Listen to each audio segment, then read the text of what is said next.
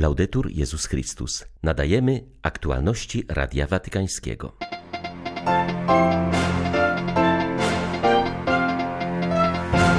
Kościół, który wychodzi na zewnątrz, okazuje się silniejszy, powiedział papież w przesłaniu do kościelnych wspólnot podstawowych.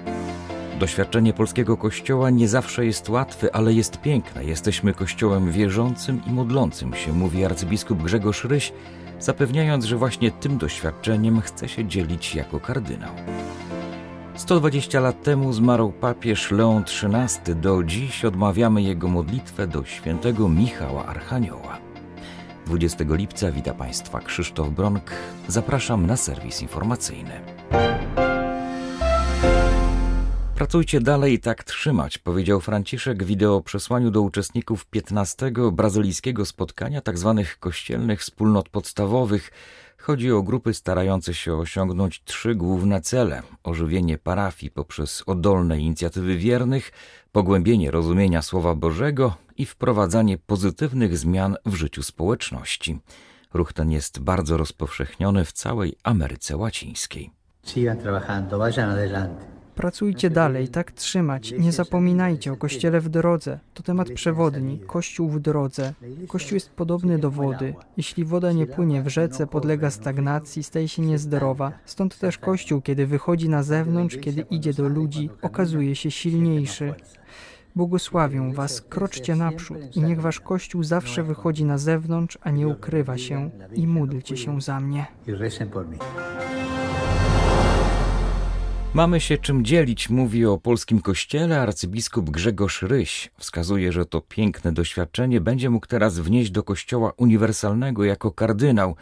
Nowe nominacje kardynalskie ogłosił papież na modlitwie Anioł Pański 9 lipca.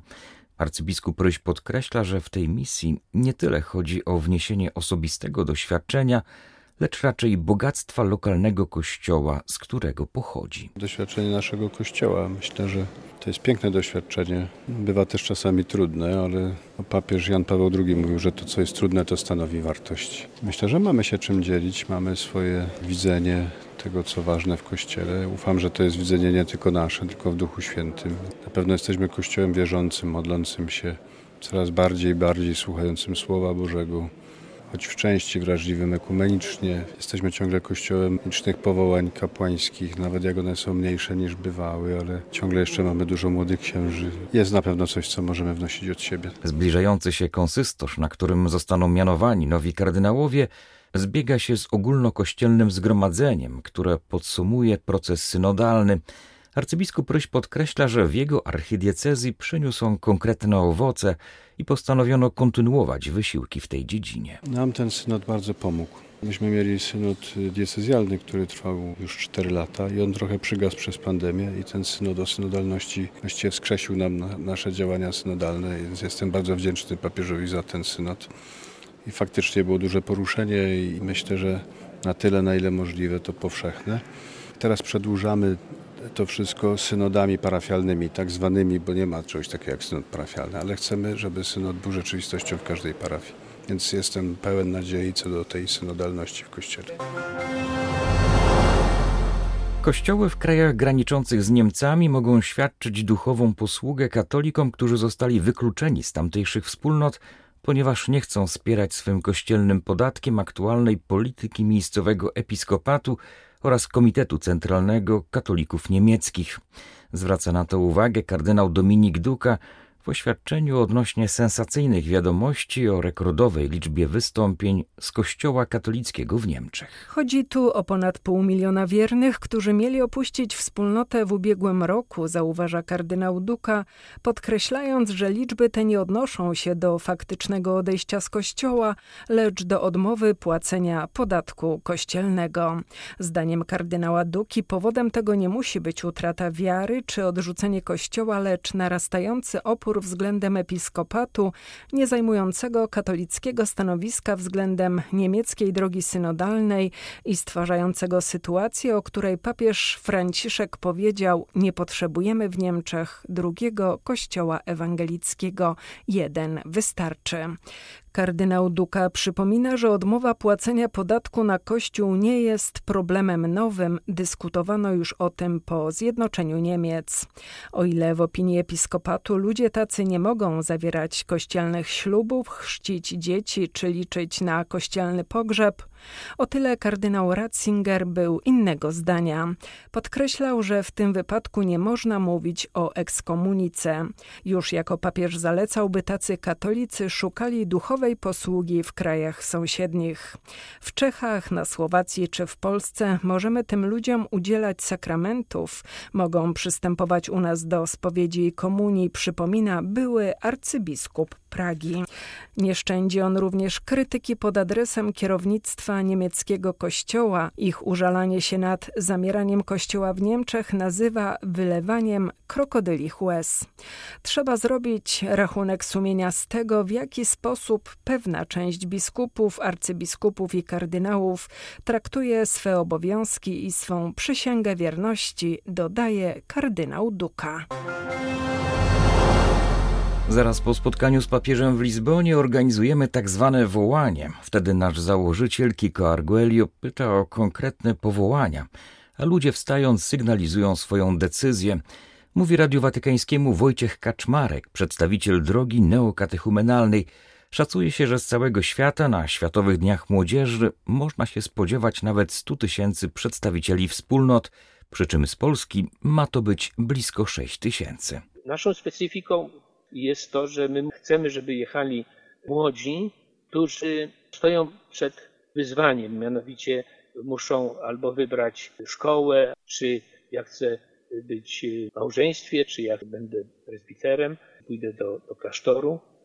Także to, te pytania, one mogą się tutaj już materializować. Młodzi ludzie mają z tym dużo problemów i my proponujemy ten wyjazd jako pielgrzymkę powołaniową. Wspólnoty neokatechumenalne powstały około roku 1964 i są związane z doświadczeniem dwóch osób świeckich. Kiko Arguello, który był malarzem i Carmen Hernandez. Pan Bóg złączył tych celibatariuszy w takim poszukiwaniu, co jest istotą chrześcijaństwa. Dlatego znaleźli się na przedwieściach Madrytów, żeby tam głosić dobrą nowinę, zasługi ma święty Jan Paweł II, który by tylko spotkał się z Kiko i z Carmen, odkrył, że to jest y, forma pewnego katechumenatu, który jest dostosowany do ludzi już ochrzczonych. Stąd ta nazwa neokatechumenat. To były dobre spotkania. W tym duchu nuncjusz apostolski w Stanach Zjednoczonych komentuje wizytę w Waszyngtonie papieskiego wysłannika do spraw Ukrainy. Wywiadzie dla watykańskich mediów podkreśla, że kardynał Matteo Zuppi wiele uwagi poświęcił kwestiom humanitarnym, a także pilnemu wyzwaniu, jakim jest powrót do domu ukraińskich dzieci wywiezionych do Rosji. Po swoich wizytach w Kijowie i Moskwie teraz papieski wysłannik spotkał się z prezydentem Joe Bidenem oraz przedstawicielami amerykańskiego kongresu. Arcybiskup Christoph Pier podkreśla, że kardynał Zuppi przedstawił perspektywę budowania pokoju na Ukrainie i wiele mówił o inicjatywach humanitarnych podejmowanych przez Stolicę Apostolską. Spotkanie z prezydentem było całkiem dobre. Dużo słuchał, wyraził też zadowolenie z inicjatywy papieża i kardynała. Kardynał kładł nacisk na to, że chcemy wnieść swój wkład w budowanie pokoju, ale nie mamy możliwości natychmiastowego rozwiązania wszystkich problemów. Znamy ich złożoność. Podkreślił więc wymiar humanitarny i pragnienie Ojca Świętego, by w tym wymiarze pomóc w każdy możliwy sposób. Mówiono też w szczególności o sytuacji dzieci, które zostały wywiezione do Rosji z Ukrainy. Kardynał powiedział prezydentowi, że jest dopiero na początku, ale praca już się rozpoczęła i że znalazł wszędzie pewien rodzaj dobrej woli, aby spróbować rozwiązać ten problem. Na razie nie mamy wyników, ale mamy nadzieję, że tak będzie. Wydaje mi się, że podczas wszystkich spotkań, które kardynał miał w tych dniach, dało się zauważyć, że ludzie są bardzo wrażliwi na ten wymiar i są gotowi pomóc.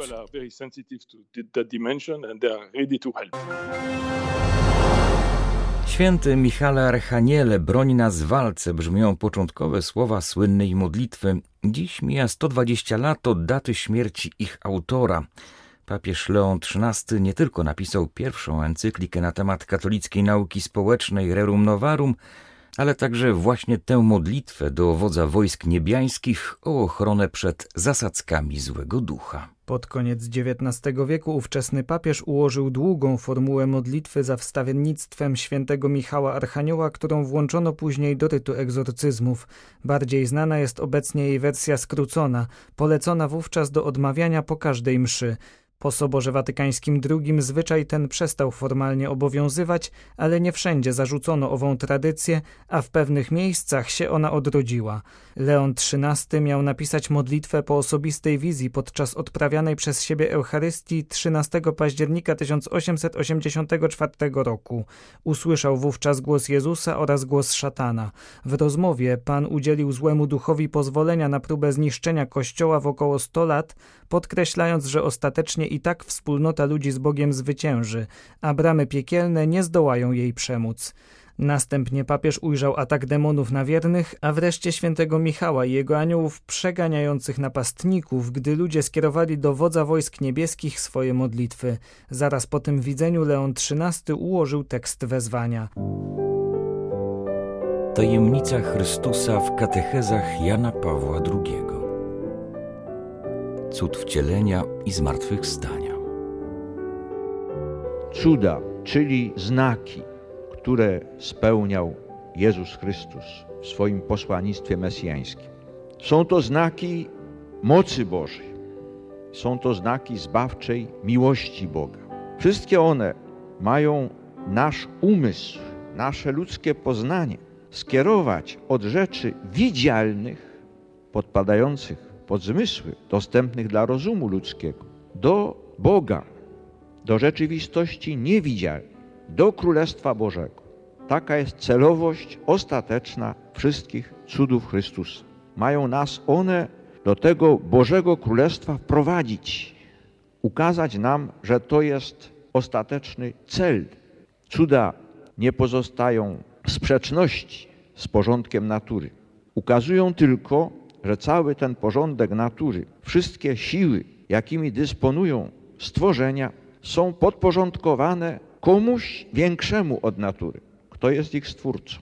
Nie działa on przeciwko tym siłom, ale działa w nich i także według ich dyspozycji, jednakże w sposób nadzwyczajny, poza zwyczajnym biegiem praw fizycznych, praw natury.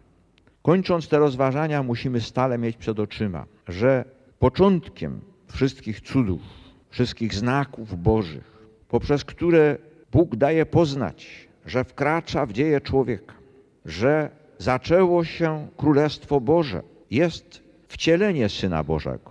Bóg człowiek to wydarzenie, jest źródłem, z którego płyną wszystkie inne znaki Chrystusa.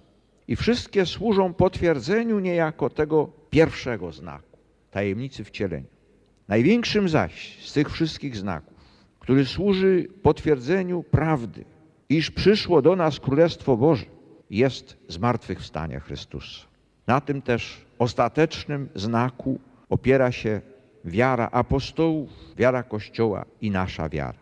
Również przez wszystkie stulecia i pokolenia powtarzają się w Kościele te znaki i cuda mocy Bożej. Wszystkie płyną z tego samego źródła i wszystkie mają ten sam cel. Mają pobudzić nas do wiary że cel naszego życia jest większy aniżeli ziemia i doczesność. Jest nim Królestwo Boże. Były to aktualności Radia Watykańskiego. Laudetur Jezus Chrystus.